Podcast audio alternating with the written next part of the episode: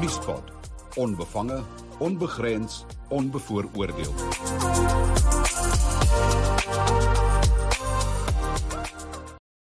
Uh, ek het by my Annelie Lotrie van die DA, uh, professor Andrei Dievenage aan Noordwes Universiteit, Dawie Rood. Baie welkom by Nuuspot en dankie dat jy tyd maak vir my. Dankie, Isak. Dankie, Isak. Annelie Kan ons vir jou hoor? Ja, ek hoor jou. Ek dink daar was ja. net so effens 'n onderbrekingkie. Fantasties. Fantasties. Ehm uh, ek uh, ons moet 'n vinnig plan maak, maar ons is op die lyn en uh die gesprek waaroor ons vanaand gaan genigtig. Ek het nou net gekyk na die uh so 'n stukkie van die oorhandiging van die uh sondekommissie se verslag aan die man ter sprake in vanaand se program. En, en die vraag wat ek vra is Cyril regtig? Hoe skelm is Cyril regtig? Ek doen dit na aanleiding van van die miljoene onder sy matras en ehm um, al die ander stories wat rondom hom uh, ontstaan het die afgelope tyd en dan het die feit dat hy nou vanaand die sondeverslag uh die sondekommissie se verslag in uh ontvangs geneem het maar uh net gister eergister uh Annelie Lotrie het julle van die DA uh eintlik baie duidelik gesê Cyril is blerry skelm, is dit so? Isak, weet jy kon nou vir jou nog waarskynlik 'n duideliker antwoord gegee het as die verslag nou teen 4 uur bekend gestel is soos hulle gesê het. So ek kon ook nou net 'n stukkie daarvan hoor. Maar ehm um, Isak, ek dink die belangrike ding wat ons moet onderskei hierso. Daar is twee goed. Aan die een kant het ons die uh hele Zondo verslag staatskaping ehm um, Ramaphosa se rol daarin, die hele kwessie van kaderontplooiing en die, sy rol daarin en dan aan die ander kant hierdie nuutste ding van die Palapala jagplaas en presies wat daar gebeur het of nie jagplaas nie, sy plaas en presies wat daar gebeur het. Um ek dink ons moet die twee goed onderskei. Nou ons het um nou in hierdie week het ons begin vra vra en ook aangevra vir ondersoeke oor die hele kwessie van die um en dit word nou betwis hoeveel uh, miljoen dollar dit was en of dit miljoene was want die probleem is die president uh, praat nie. Ehm um, en as jy stil bly dan is daar meer vrae. En daar moet tog sekerlik 'n uh, soos hulle sê paper trail wees van al die transaksies want sy enigste antwoord in die verklaring wat hy direk na Fraser se eetsverklaring gesê uh, uit uitgereik het is maar dit was wel 'n uh, transaksie. Nou as daar 'n transaksie is, dan moet daar tog dokumentasie wees. Ek bedoel in daai tipe bedrag moet daar tog en uh, uh, Dawie sal beter weet as ek. Daar moet tog ehm um, belasting implikasies wees. Dinge moet aangemeld word as dit 'n korporasie is, dan moet daar tog BTW betaal word. Nou waarom kan die president nie gewoon net vir ons sê waar is die geld? Waar het die geld vandaan gekom? En sê maar ek het die bewyse, ek het die dokumentasie daaroor. So dit laat meer vrae as wat daar antwoorde is op hierdie stadium en dit is wat ons in DA nou jy sê. Geef ons die antwoorde. Ons vra nog nie dat jy moet op sy staan of moet bedank of dat ons 'n mosie van wantrou gaan instel nie. Geen net vir ons die antwoorde. Maar julle sê julle sê ons sommer die FBI op hom. Ja. Wat is dollars hier so en in Amerika moet ons hulle dollars oppas. Ek wil net vir julle sê nê, uh voordat ons verder gaan, ek het hierdie spanning nê, raak vir my te veel. Ek het vir nou 'n heerlike glas 'n uh, Hardenberg 2017 geskink wat ek vir my verjaardag present kry. So as jy wyn het of iets, asseblief de maak jouself net gemaklik. Ehm um, ons gaan lekker gesels daar. Ek het geweet Dawie sal my nie teleurstel nie. Ehm um, so hoe stiller 'n mens bly, hoe skelmer is jy. Toe maar Annelie, ek trek net jou been. Dawie. Ek onthou 'n gesprek tussen my en jou toe ek nog monitor aangebied het. Uh so 'n uh, maand of 3, 4, 5 net na uh president uh, Ramaphosa toe nou uh sy amp oorgeneem het. Uh toe het ek een oggend 'n uh, uh, onderhoud met jou gehad en en jy het uitgevaar teen die president en ek het vir gesê maar hemel Dawie ek sien dan al hoe meer speedkops op die paaie en allerlei ander goed gebeur en jy het vir my gesê nee nee nee. Hierdie ou is useless. Ehm um, is dit nog so en en en en, en dink jy hy is so skelm soos wat die DA sê? Wel ek dink hy's useless om jou woord te gebruik. Uh ek dink hy's 'n swak leier en uh, ek kan vir jou 'n klomp redes gee hoekom ek dink hy 'n swak leier is. So ek hy sê konsensus soeker, hy neem nie besluite nie. Ehm um, hy skok word verras oor goeders. so nee wat, ek dink hy's 'n regtig ware swak leier. Ek weet nie of sy of hy sy vinger in die koekieblik gehad het. Dit weet ek nou nie. Ek wil jou nog 'n swak leier gee en dit is uh um Pravin Gordhan. Hy's o uiters swak. Ek weet nie waar oor gaan dit. Hoekom dit so is dat die besigheid mense so baie van Pravin Gordhan nou nie. Hy's 'n disaster Pravin Gordhan, maar ek weet ook ek glo ook nie hy sy vinger in die in die koekieblik gehad. Maar kom ons gaan terug na ons agbare president. Jy weet hy's nou veronderstel om hierdie vreeslike besigheidsman te wees. En nou dink ek aan 'n besigheidsmense wat ek nou van gehoor het en so een of twee van hulle het ek nou ontmoet. En ag ons weet klomp mense, ek meen jy praat van die Ruperts byvoorbeeld in Suid-Afrika of ja, ag internasionaal weet jy van klomp ouens die die, die ryk ouens in die wêreld soos Musk en en jy weet Microsoft se mense en so en almal van hulle jy kan net vir hulle die vraag vra so wat het jy gebou en hulle gaan vir jou 'n antwoord gee. Hulle hulle gaan vir jou sê ek het Microsoft gebou of hulle gaan vir jou sê ek het Tesla gebou of hulle gaan vir jou sê ek het Richmond gebou. Of daar gaan 'n antwoord wees die besigheid wat hulle gebou het. So ons het nou blykbaar 'n president wat baie baie ryk is en hy het uh, baie ryk geword in 'n kwessie van so 20 jaar. Baie ryk blykbaar. En dan wil ek weet so wat het hy gebou? Wat is die besigheid wat hy gebou het? En ek kan nie eintlik 'n naam kry. Ek het 'n klomp besighede, name waarby hy betrokke was, maar nie een van hulle het hy gebou nie. Elkeen van daardie besighede het hy betrokke geraak in die proses. So die vraag is of hy 'n goeie besigheidsman is. Die daaroor het ek baie twyfel want ek weet nie wat hy gebou het. Dat hy hy was aanvanklik 'n arbeidsleier gewees. Arbeidsleiers se doel is om hulle lede se belange te beskerm, om geleenthede vir hulle lede te kry en vir hulle lede op te staan, veral wanneer dit kom by die nare aklige kapitaliste en dan so 'n kollektiewe bedinging bedinging aan die gang te sit om hulle lewe 'n lede in 'n beter posisie te probeer stel. Ek verstaan dit en ek is heeltemal te guns daarvan. Hoe is dit dat een van hierdie arbeidsleiers so volgens gerugte fenomenaal welgestel ryk geword het in Suid-Afrika en blykbaar praat ons van miljarde rande. Ehm um, so dis die vraag wat ek vra. Ek weet hierdie bewering wat gemaak word dat hy so 'n goeie besigheidsleier besigheidsman is, daaroor het ek regtig baie twyfel. Ehm um, en dan om terug te kom nou na die na die die, die klaar blyklik op na bewering 4 miljoen dollar in die in die Rusbank Nou hier's 'n klomp, ek weet byvoorbeeld as ek en ek dis wat ek doen, dis my werk. Ek vat mense se geld en ek bestuur mense se geld en ek vat mense se geld die land uit en ek sit dit in sekere strukture en ek doen aansoek by, by die ontvanger om mense se geld die land mag uitvat so ek volg die wette. Dis wat ek doen. Ek weet dat as ek 'n miljoen rand as ek meer as 'n miljoen rand se geld van my kliënt die land wil uitvat, dan moet ek na SARS toe gaan, die ontvanger toe gaan en ek moet aansoek doen. Nou let wel, ek sê 'n volwasse persoon wat al die belasting betaal het wat jy gedoen het en jy moet aansoek doen om jou eie geld in dollars om te sit. Jy moet aansoek doen want die woord is jy het 'n toelaag.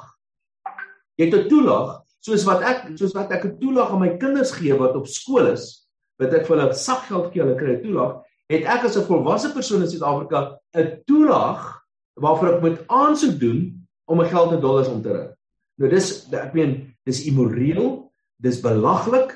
Uh, hoekom is daar 'n beperking op my as 'n individu oor wat ek wil doen met my geld nadat ek belasting daarop betaal het? Maar die president, na bewering, het 4 miljoen dollars in sy in sy in sy bank wat hy het en ek wonder ek of hy aansoek gedoen het vir sy toelaag om sy meer as 'n miljoen dollar per jaar, 'n miljoen rand se dollar per jaar in dollars om te sit vir. Want my kliënte moet almal dit doen. So hoekom kan hy dit doen en ek hoef dit nie te doen?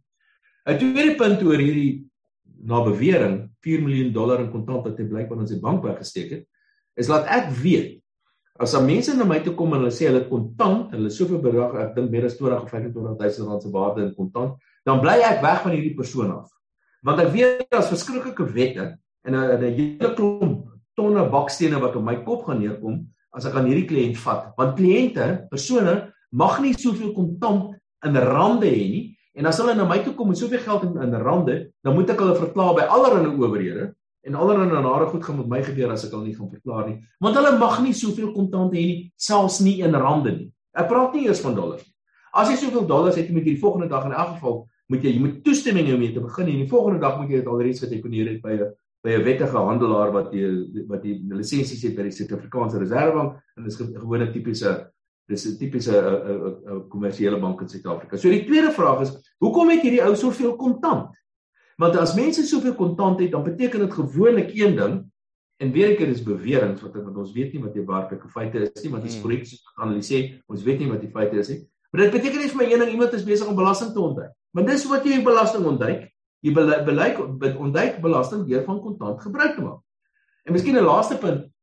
As mens kon as mens transaksies doen en ek is weer 'n keer betrokke by finansiële transaksies baie, dan doen mense nie transaksies met 'n sak met 'n met 'n aktetas met 'n miljoen rand se dollars in kontant nie. Jy doen dit met inter, met waarborge, jy doen dit met banke wat tussengangers is, jy doen dit met internasionale oorplasings en tipe van goederes. Jy maak rekeninge oop hier en daar en die en daai. Jy doen dit nie met dit gebeur nie in kontant nie behalwe as jy belasting wil ontduik byvoorbeeld.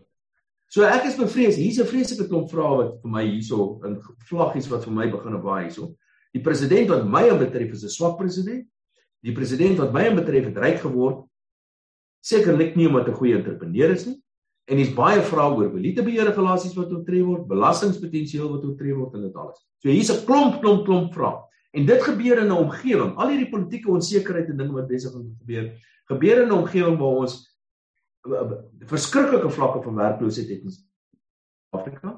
Ons het toenemende vlakke van armoede in Suid-Afrika. Ons het kinders wat doodgaan van honger in Suid-Afrika. En nou het ons vandag hier ons weer 'n keer die inflasie syfers gesien. Die brandstofpryse, energiepryse is besig om skerp te styg. Voedselpryse is besig om skerp te styg. En die president het 4 miljoen dollar in kontant in sy bank in sy in sy op sy plaas. Ek moet vir julle sê ons is besig om hierso met vuur te speel in 'n plek in 'n op 'n hoë meet en hierdie hoë meet is baie baie droog.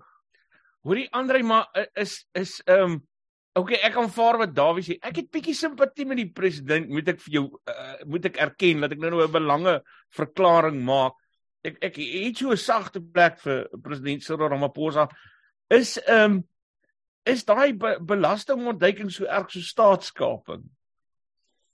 Wel uh, Isak, dis om te vra vir 'n predikant of 'n groot sonde groter is as 'n kleiner sonde. Jy weet dis 'n uh, dis 'n kwessie van 'n sonde wat gepleeg is. Dit is buite die raamwerk van die wet of dit lyk ten minste so. Maar kom, ek wil aansluit by Dawie en by Annelie in laat 'n mens voordat ons nou sê Cyril is 'n skelm. Kom ons kyk na die prentjie en die omstandighede rondom hom. Die eerste punt wat ek wil maak is In die 80er jare was hy 'n gewone mynwerker. So jaar of wat gelede het ek 'n ontleding van sy finansiële situasie gesien. Toe is hy omtrent 7 miljard sterk volgens daai ontleding. Nou Dawie is heeltemal reg om na daai vlakke toe te gaan, moes jy iets gedoen het. Jy moes ten minste sigarette verkoop het of jy moes drank gesmous het of iets gedoen het, maar meneer Ramaphosa kan nie duidelik wys hoe hy op daai vlak gekom het nie. Natuurlik is hy bevoordeel deur die swart bemagtigingswette en wat daarmee saamgegaan het en die feit dat hy op baie plekke as 'n direkteur en 'n adviseur en so meer aangestel is en dit het vir hom bepaalde bedingings mag gegee. So dis die eerste aspek. Die tweede aspek is meneer Ramaphosa is die leier van kom ons sê dit nou maar reguit vir mekaar, die grootste misdaadorganisasie in die geskiedenis van Suid-Afrika. Jy praat van staatskaping. Die bedrag van staatskaping word maar net geskat, maar dan daag dit daar syfers op van triljoene rande. Nou hoe kan iemand wat 'n hele geskiedenis binne die organisasie het, wat vir ten minste 2 termyne as adjunk president gedien het. En die adjunk presidentskap in die ANC belyn Letuliehuis met die regering. Die kaderontplooiings vind primêr daar plaas. Eskom se sogenaamde war room was bestuur deur meneer Ramaphosa. Nou om nou net hande in onskuld te was Ek dink nie dit sal heeltemal haalbaar wees nie. Ek dink 'n mens moet aanvaar dat gegeewe sy posisie, gegeewe sy omstandighede, uh sal hy skuldig wees aan bepaalde optrede. Maar kom ons voeg 'n ander dimensie by tot hierdie gesprek. Wat is die strategiese implikasies hiervan vir meneer Ramaphosa binne die ANC? En ek dink dis die hoofding. Want kom ons sê vir mekaar eerlike regheid, korrupsie is te endemies, te groot binne die ANC om bestuur te kan word en die kollegas moet maar vir my sê of hulle van my verskil, maar ek betwyfel dit of die nasionale vervolgingsgesag en die instrumente wat die wet in stand moet hou sterk genoeg is om staatskaping te kan beheer en te kan bestuur. Van die syfers van die Instituut vir Rasseaangeleenthede sê vir ons dat tot 80% van die NEK van so jare wat gelede was direk of indirek by korrupsie betrokke. Nou wie haal jy uit? Wie hou jy in? En dis die dilemma van meneer Ramaphosa. En as ek iets hier oor die ANC dinamiek kan sê, want ek dink dis waar die groot geveg lê. Die groot geveg is nie die wetlike, staatkundige, juridiese kant van sake nie. Dis wat binne die ANC gaan gebeur.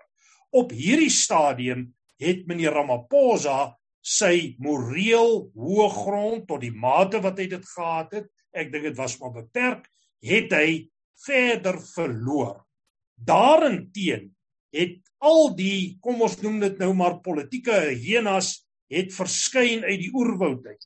Ons dink hier aan die Ysmageshules wat openlik sê ongeag die feit dat hy op sy moet staan, gaan hy deelneem aan die verkiesing. En ek dink die hoofslagveld is op die oomblik opgestel binne die ANC.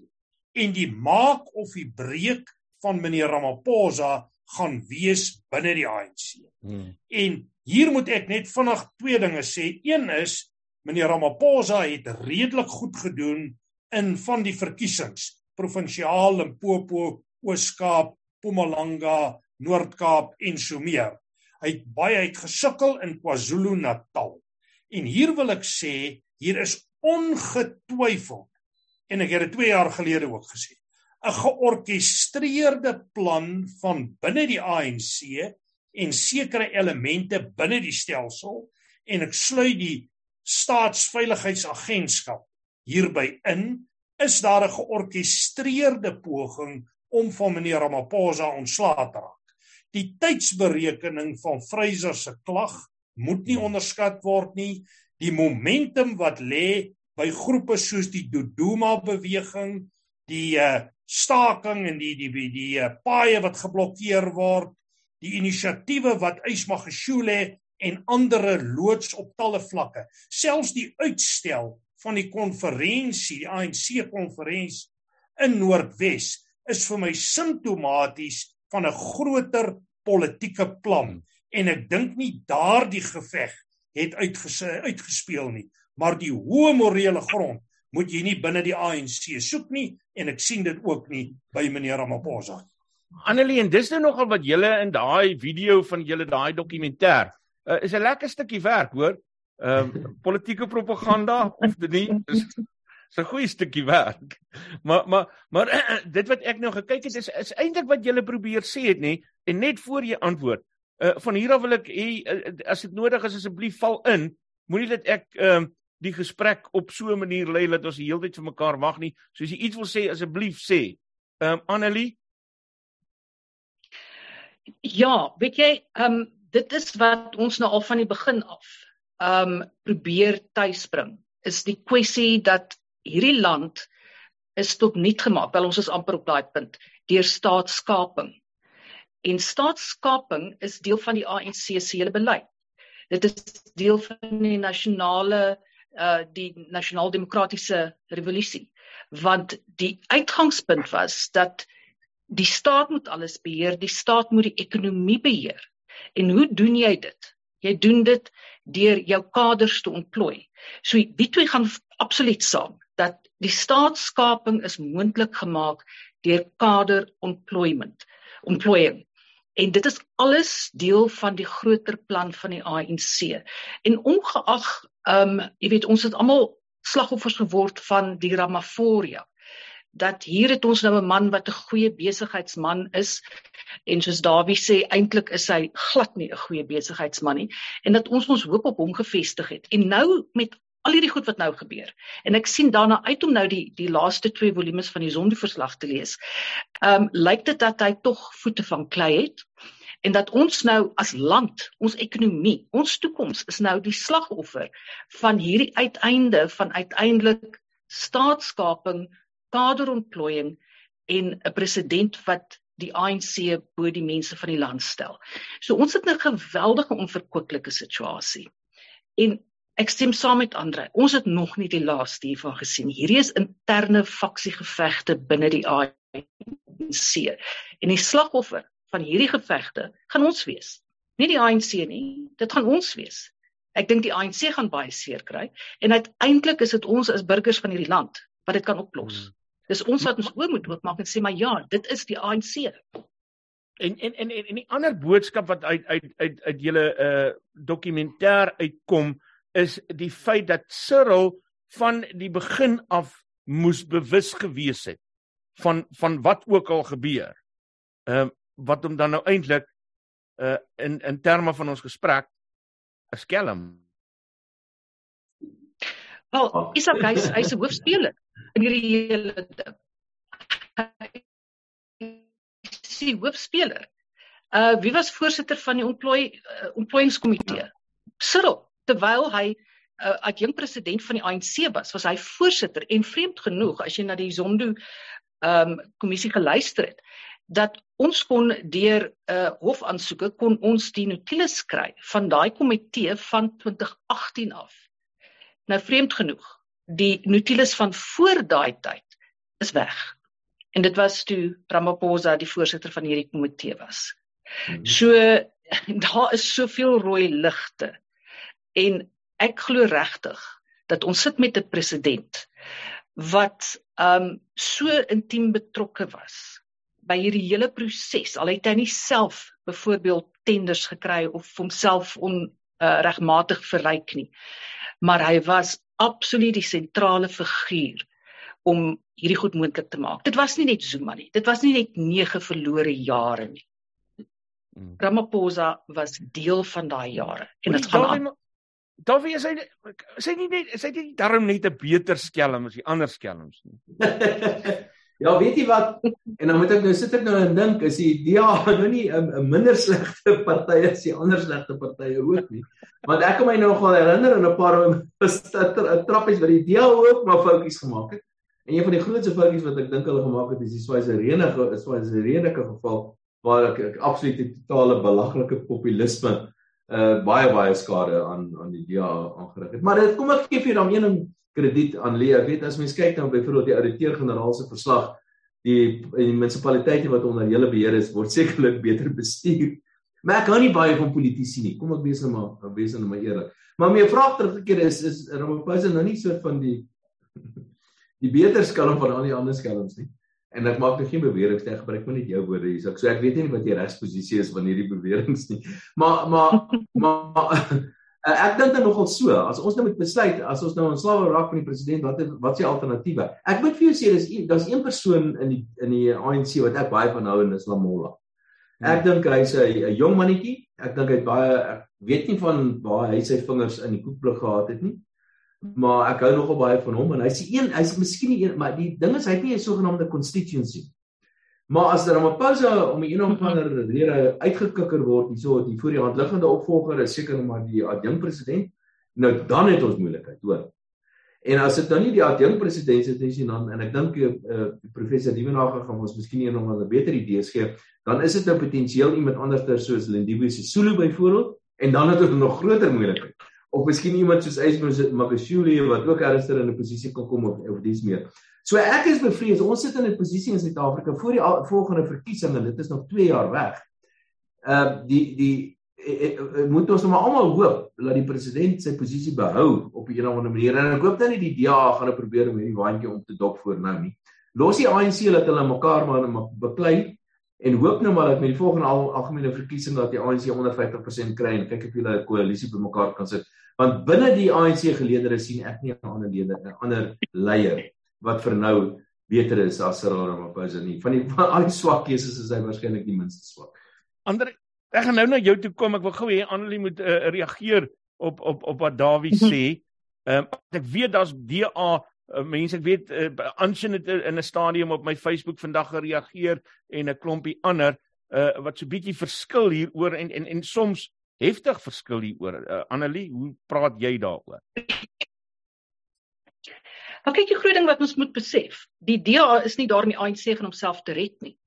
Um, ek dink ons ons verstaan die hele uh, problematiek dat wie kom in die plek van Ramaphosa en ons almal ken vir Didi Mabuza. Maar die feit van die saak is, ehm um, dis amper asof jy aan hierdie Stockholm sindroom ly dat jy maar hierdie ou wat jou gevange hou, nou maar daar hou want jy het eintlik bietjie 'n sagte plekkie vir hom. Ehm um, ons kan nie toelaat dat ons so begin dink nie. Ehm um, en net om vir Dawie te sê dat nee die DA gaan nie nou dadelik 'n mosie van wantroue teen die president instel nie. Ons wil net die antwoorde hê. En ons wil net hê die Suid-Afrikaners, die mense van hierdie land moet verstaan waarmee ons werk dat daar is nie 'n goeie ANC nie, daar is nie 'n slegte ANC nie. Daar is net 'n korrupte ANC, soos Andre vroeër vroeër gesê het, dis 'n misdaadsyndikaat. So ja. Cyril se hande waarskynlik is nie skoon nie en ek ek weet ek sê nou hier goed sonder dat ek nou 'n uh, parlementêre privilegie het. Maar ehm um, ons moet kyk na wat wys die feite vir ons maar ons kan nie die ANC red van homself nie. Andre, ek uh, onthou eendag het Piet ook kort na uh, Cyril se oorneem by die ANC en toe hy nou president geword het, uiteindelik het, het Piet Kroukamp in 'n onderhoud vir my gesê ehm um, nog al 'n treffende ding. Toe sê hy ons is 'n hartaanval weg van Didi Mabuza as president. Sy een van pizza lekker. Hy het mos altyd sulke maniere om sulke lekker goed uit die lug uit te pluk wat nogal goed op die oor klim partykeer. Uh ander kere maak hy mense kwaad maar. Ehm uh, die punt wat ek wil maak is ehm um, dit wat Annelie en Dawie nou gesê het. Ehm um, is dit uh, uh, gegee die werklikheid wat ons het. Ehm um, is dit nie dalk beter dat ons maar vir Cyril net so 'n bietjie oor die vingerstuk ehm um, en nog uithou tot tot ons iemand het wat regtig by hom kan oorvat.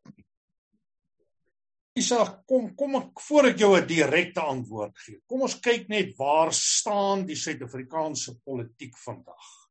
Ek dink ons het so 'n jaar of wat gelede het ons eintlik die einde van 'n bedeling of 'n tydvak betree. En die tipe leierskap wat ons op die oomblik nodig het, is leierskap wat beskryf word as transformatief van aard. Nou dis niks te doen met politieke transformasie van die ANC en sy toepassing nie. Dit gaan daaroor dat jy leierskap benodig wat 'n strategiese visie het wat 'n land, 'n staat kan hervorm. En op die oomblik het ons 'n hervormingsgerigte leier nodig.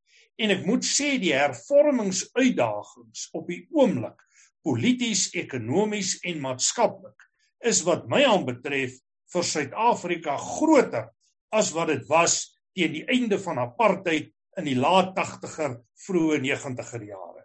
Wat ja. ons hier benodig is politieke strukture moet herbou word.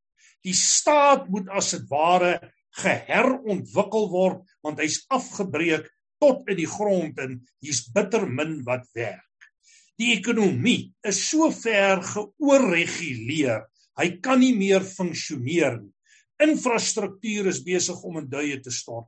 Die reënboognasie val uitmekaar uit. Ek dink ons was selde ooit so verdeel soos op die oomblik. Nou in hierdie omgewing en ek moet hierdie leiers beoordeel nou al vir die laaste 30 jaar op letterlik 'n daaglikse basis. En ek moet vir jou sê die leierskap binne en buite die ANC is vir my ongelooflik. Ek dink nie op die oomblik het ons die kaliber leier binne die ANC of by oppositiepartye om ons regtig te kan vorentoe neem.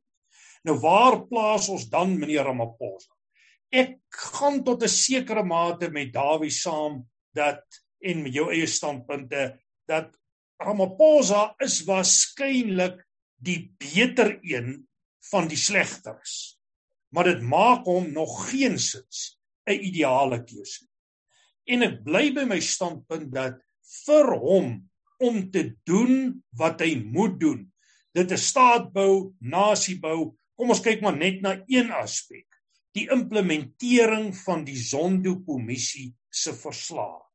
Ek is bereid om te sê die kans dat meneer Ramaphosa hierdie prosesse polities kan oorleef. Dalk wen hy na die einde van die jaar met die nasionale verkiesing op die oomblik dat daai speelveld letterlik oornag baie moeiliker geword as wat dit was 2, 3 weke terug. Hmm. Maar kom ons sê hy maak dit. Is dit nie vir my 'n uitgemaakte saak dat hy hierdie proses kan voltrek nie? Ek dink nie hy het die kwaliteite nie. Ek dink nie hy het die vermoë om leiding te neem nie, maar belangriker, ek dink nie sy party gaan vir hom die ruimte gee om die sake te hanteer wat hy moet hanteer nie. Tot sy krediet wil ek sê en ek het nou mooi na hom geluister by sy staatsrede. Wat my aanbetref was die staatsrede omtrent 80% plus DA beleid en die DA kon amper eintlik nie verskil van wat meneer Ramaphosa daar gesê het nie hierdie nuutste begrotingstoespraak van hom, het hy absoluut die regte goed gesê. Hy loop die pad van hervorming, hy praat van merietekeuses, hy sê by implikasie die weg beweeg van kaderwetgewings. So sy beleidsrigtings in goed is reg, maar ek is bekommerd oor die persoon en ek is bekommerd oor die persoon binne sy party en die steun wat hy gaan nodig hê in tye van krisis. Want onthou, hy gaan gedwing word om iewers op te tree teen die Gwedi Montashe, die uh, Sisi Kotwas en talle ander wat eintlik ideologies buite die RET staan.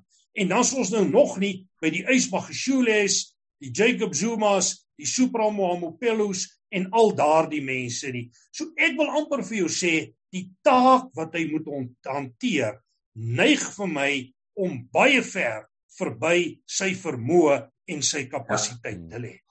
Goed opgesom. Stem nogmaals saam. Ek het nou 'n ding daar by Andre gehoor wat ek en en, en ek dink dis dalk die regte vraag vir jou om te vra. Miskien is hierdie maar miskien so bietjie soos om 'n baba te kry of om te trou. As jy gaan wag totdat jy die ideale tyd het, ehm uh, of genoeg geld, dan gaan jy nooit daarby uitkom nie. So, so miskien moet julle nou maar vir ons raad gee daar van die DA se kant af. Wat doen ons nou man? hoe maak ons dan nou om om om hierdie ouens uit te kry dat ons dan net iemand beter het? Ek moet sê ek sal selfs die DA vat. Wat wat dit is lekker om op julle paaie te ry. Goeie dankie, sak. Baie passen.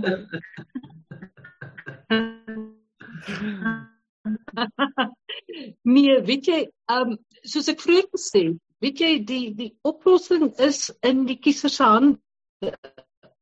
Um kiesers besluit watter regering hulle wil hê. Jy van. Maar ek dink as jy wil kyk na 'n party en ek gaan nou so 'n bietjie ehm um, die bemarking doen nie. Ehm um, maar ek moet dit sê, as jy wil sien waar werk dinge, as jy wil sien hoe word 'n munisipaliteit goed bestuur, as jy wil sien hoe 'n provinsie goed bestuur word, dan is daar een voorbeeld en dit is die DA in die Weskaap en in Kaapstad daar is besluite wat geneem moet word en ons kan nie nou weer eens die DA kan nie nou die ander provinsies almal geregmaak nie want ons is nie in beheer nie.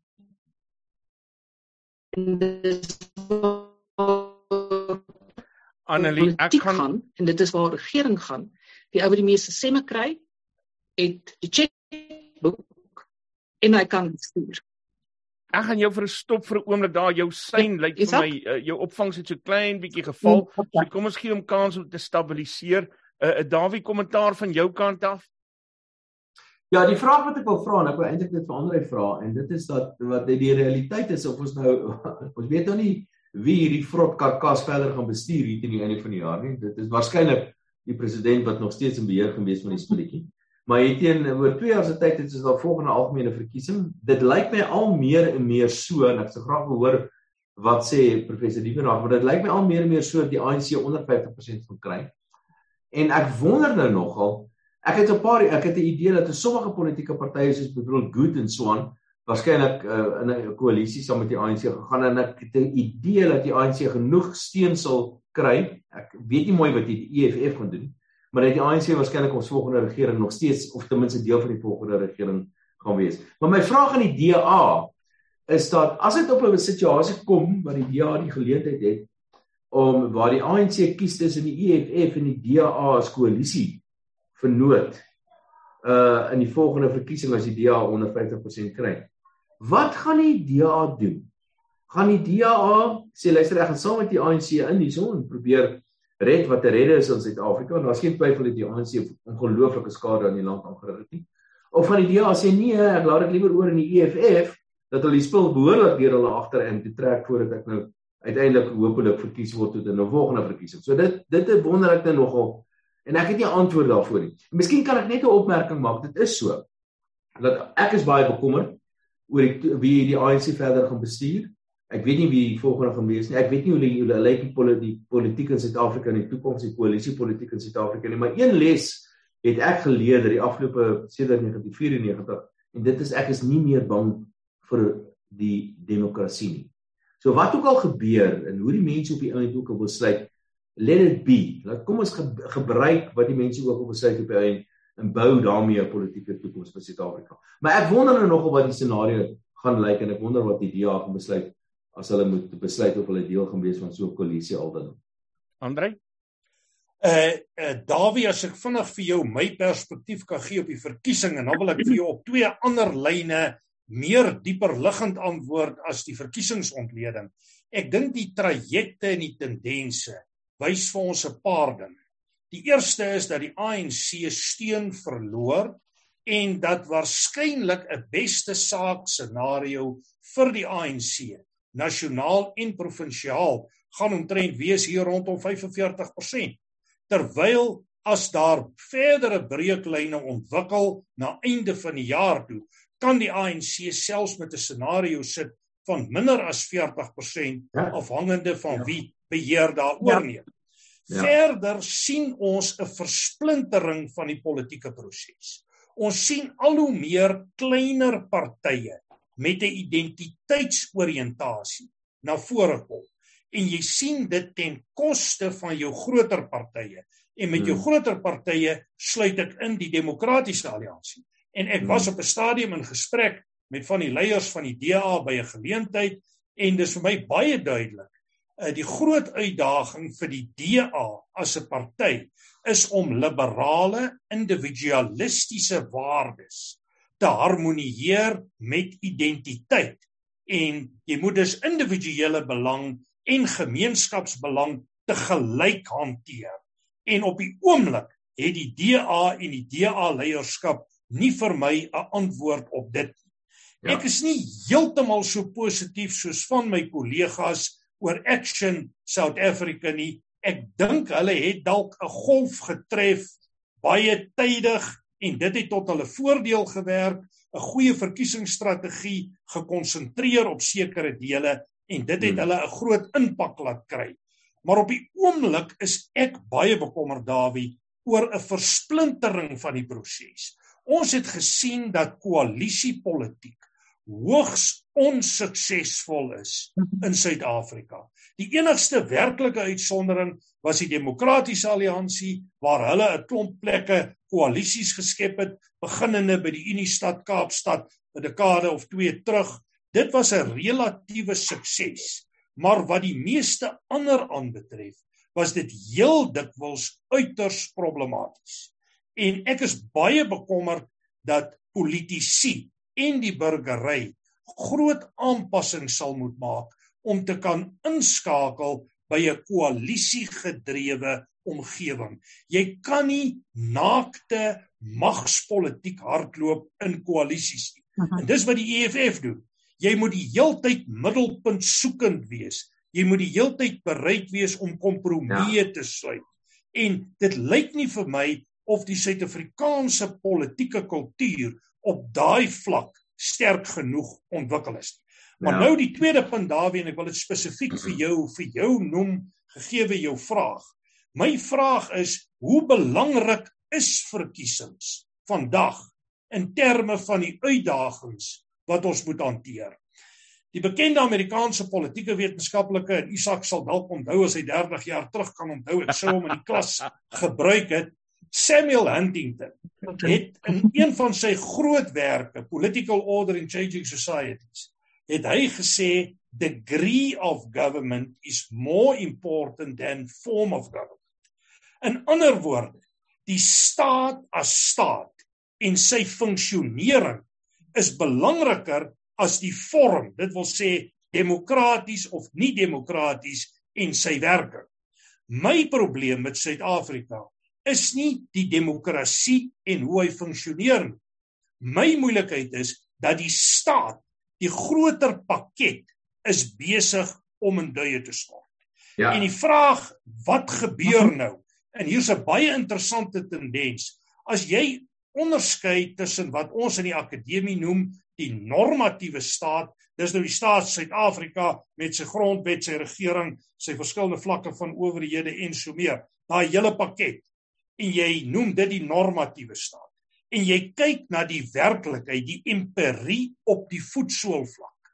Dan kry ons 'n tendens waarna ons kan verwys as die parallelle staat. Ons is ja. besig om parallel naas die ANC met sy korrupte staat 'n ander staatkundige bedeling ja. te skep. En hy neem verskeie forme aan. Een vorm daarvan is om heininge te bou rondom dele van Pretoria en dit soos 'n middeleeuse vesting af te sper. 'n Ander ou gaan bou Orania. In die Kaap probeer hulle Cape Exit hardloop. Maar die feit bly bestaan dat die kernfunksies van die staat En kom ons noem 'n paar goed. Veiligheid en orde is kerngoed vir die staat. Dit word oorgeneem deur privaat instellings. Tweedens, onderwys. Selfs universiteite begin te privatiseer. Ja. Water, elektrisiteitsvoorsiening. Selfs die polisie. Die hele staat, die polisie, die hele staat sak in een. En in daai sin is die demokrasie en wat met die demokrasie gebeur amper sekondêr. Hier's groter prosesse waarna ja. ons moet kyk en dis waar ek die leierskap graag sou wou sien. Weet jy my, my laat ek net laat ek net inspring. Weet jy wat jy sê Andrei? Eintlik wat ons hier so sien is 'n suiwer markstelsel. Ons het nie meer regering nie. Dis net die mark wat hier so van belang is. Absoluut, is reg. Maar Andrei, ek sê ek sou graag vir jou wou vra, Ehm um, ja, dit is wat besig is om te gebeur. Hoe volhoubaar is dit?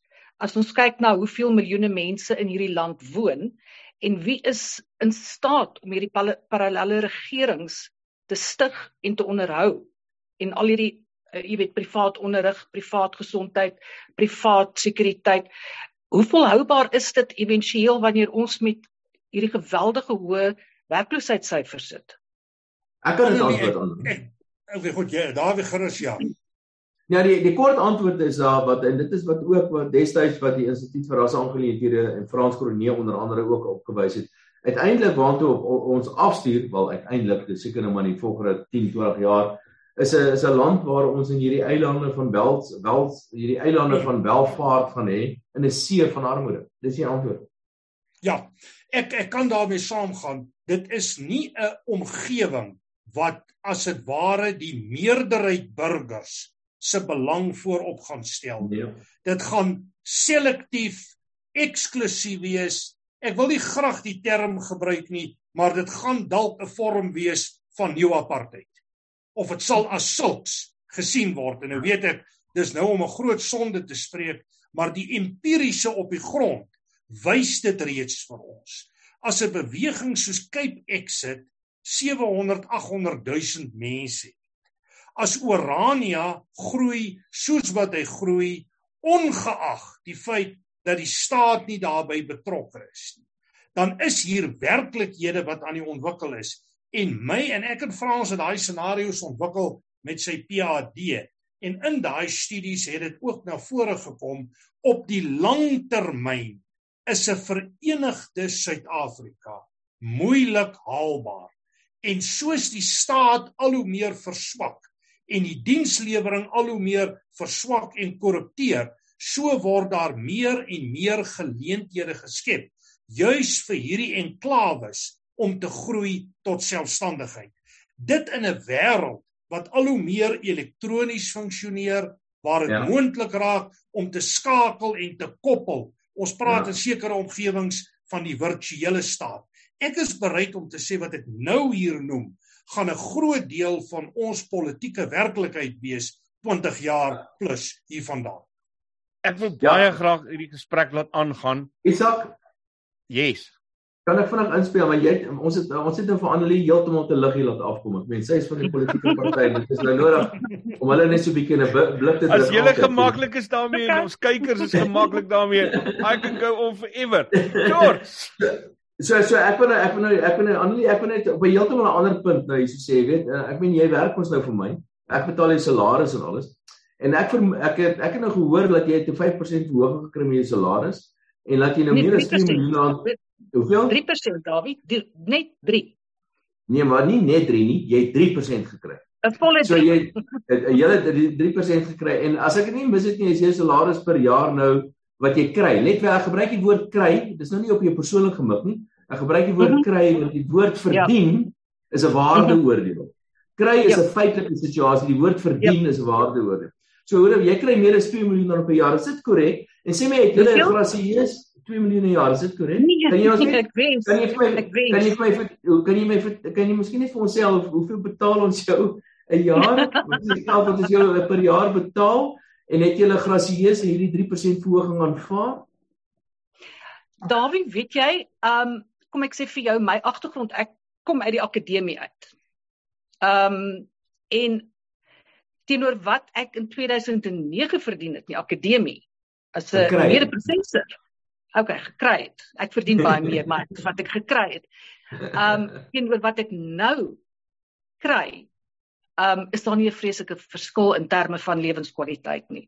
Maar ek verstaan die punt. Ek verstaan is 'n baie sensitiewe punt as mens kyk na die deursnee ANC politikus, want jy's reg, mens moet verdien en jy moet waarde gee om daai salaris te verdien. So nie ons verdien nie, ek's 'n gewone lid.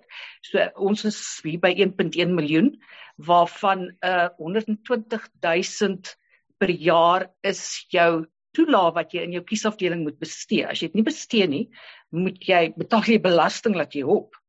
So dit is 'n baie komplekse storie. Hoe bestuur jy dit? Hoe hoe bestuur um, jy dit? Okay, in my kiesafdeling byvoorbeeld my reisuitgawes as ek oorbly by vergaderings, my kantoor, ek bedoel ek kry nie eers bietjie um of penne of papier. Jy moet dit alles self betaal. Selfs nie by die parlement nie. Jy moet jou eie goedjies betaal.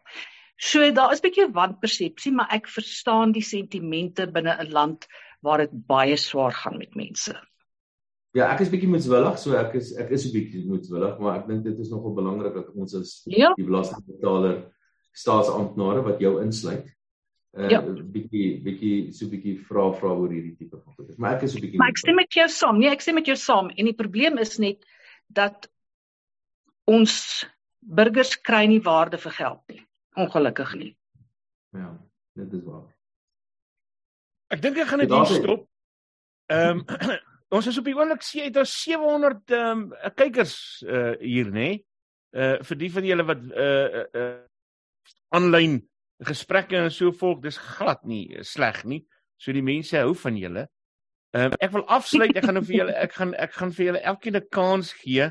Ehm uh, hier's 'n ou wat skryf. Ek wil hom nou net kry dat ek laat ek hom net reg aanhaal. Ehm um, dat dat ek nou nie 'n fout maak nie. Hy sê mense ons is in ons hm kolletjie kolletjie kolletjie. So.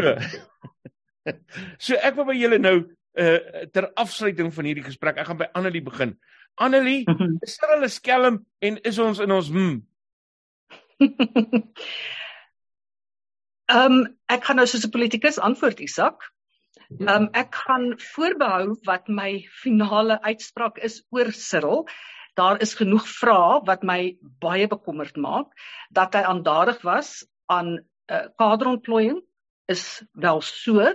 Die hele Palapala kwessie wag ons vir sy antwoorde. Maar alhoewel ons op die randjie van die M is, glo ek daar is hoop en ons kan dit nog omkeer. Maar dis in ons almal se hande. Dawie? Ja, ek ek moet vir jou sê, uh Isak, ek dink ons is in ons moer, maar maar maar dit is nie noodwendig 'n slegte ding. Want weet jy, daar's die die ironie eintlik hier vir my is dat ons het 'n regering wat veronderstel is om 'n linkse regering te wees, 'n sosialistiese kommunistiese tipe van regering, en dis hierdie einste regering wat die staat vernietig het. Hulle het die staat vernietig ja. en al wat oorbly is eintlik die privaat sektor en dis waar die geleentheid is. So in die, die geleenthede in Suid-Afrika is is de, de, ons het die wonderlikste geleenthede in Suid-Afrika en dit is reeds daardie entrepreneur wat daardie geleenthede wil kan raak sien en gebruik en daarop kapitaliseer en daai geleenthede word ironies deur die staat geskep deurdat die staat besig is om in duie te stort. Want hierdie selfde linkse staat het omtrent elke denkbare ding in Suid-Afrika geprivatiseer. Insluitende die polisie, in ge gesondheidsdienste, in infrastruktuur, elke denkbare ding het hierdie linkse regering geprivatiseer en dis waar die geleentheid is. So ons het miskien in ons moer in terme van die normale manier soos wat jy die ekonomie na kyk, maar Suid-Afrika het die wonderlikste geleenthede, geleenthede. Dis so 'n bietjie soos die Wilde Weste. Dis waar groot geld gemaak gaan word, maar moenie dink dit gemaklik wees nie. Maar maar jy het nou nog die vraag geskiep, hoe skelm is Cyril nou regtig? Wel, ek moet vir jou sê een ding waaroor ek seker is hy's 'n swak leier of hy skelm is, weet ek nie, maar ek kan vir jou sê hy moet sekerlik aan hy is hy is deel gewees van die kabaal wat gelei het tot die verval van Suid-Afrika en die verval van die staatsdiens, die verval van die staatsbeheerde instellings en alles wat daarmee saamgaan. Hy het sonder enige twyfel 'n groot rol daarin gespeel. Of hy self sy hand in die koekieblik gehad het, dit weet ek nie. Andrei. Isak, uh, ek is baie bekommerd oor uh, meneer Ramaphosa se leierskap. Ek is ook bekommerd oor sy integriteit en ek is ook bekommerd oor die wyse waarop hy sake in die land hanteer, insluitend sy eie sake, ook die hele kwessie van Farmgate en wat daarmee saamgaan. Ek dink nie 'n leier is onskuldig as jou organisasie op soveel vlakke skuldig bevind is soos wat uit die Sondekommissie en ander verslae, die wapenskandaal en so meer blyk. Ek dink meneer Ramaphosa sal uiters moeilik sy onskuld volledig kan bewys. Maar ek weet ook in 'n Afrika konteks is mag sterker as reg. En ons moet 'n gedagte hou dat leierskap en die sogenaamde sterk manne van die politiek dikwels sterker is as grondwetlike waardes konstitusionalisme en ek dink in Suid-Afrika gaan ons 'n bewys daarvan sien. Dan oor die toekoms, ek is nie negatief oor ons toekoms in 'n volledige sin. Ek is negatief oor die huidige paradigma van denke, hoe ons na goed kyk, hoe akademici en talle ander absoluut polities korrek probeer wees aan 'n bedeling wat eintlik uitgedien is wat absoluut korrup is. En ek dink daar soos Dawie dat in die tot niet gaan van hierdie bedeling waarin ons nou staan, is daar ongelooflike geleenthede. Wat my bekommer is dat die leierskap en dis oor die spektrum heen, ook nie noodwendig polities nie, maar ook ekonomies en in terme van kom ons noem dit sosiale leierskap afwesig is om leiding te bied aan die gewone mense, die geleenthede te definieer en te help skep en te help bou. Ek dink die geleentheid is daar, maar die omstandighede is moeilik. Ons is in terme van hierdie bedeling baie na aan ons en. Mense, dis dis 'n woensdag aand. Baie baie dankie dat julle tyd gemaak het vir hierdie gesprek. Ek wil net vir julle sê hier's baie ons is by die 800 mense wat op die oomblik besig is om te kyk. Ehm um, en baie van hulle wat sê uh dis le maklik die lekkerste gesprek waarna hulle al geluister het. Dit is vir my maklik die lekkerste gesprek wat ek in 'n lang tyd gehad het. Baie baie baie dankie. dat julle vir my tyd gemaak het. Baie baie baie baie dankie aan uh, Nuuspot se ondersteuners en ehm uh, dat julle uh, elke keer getrou is. Daar's soveel name wat ek nou al begin herken. Uh maar baie baie dankie vir julle tyd. En my apologie aan Annelie. ek vat dit op die ken David.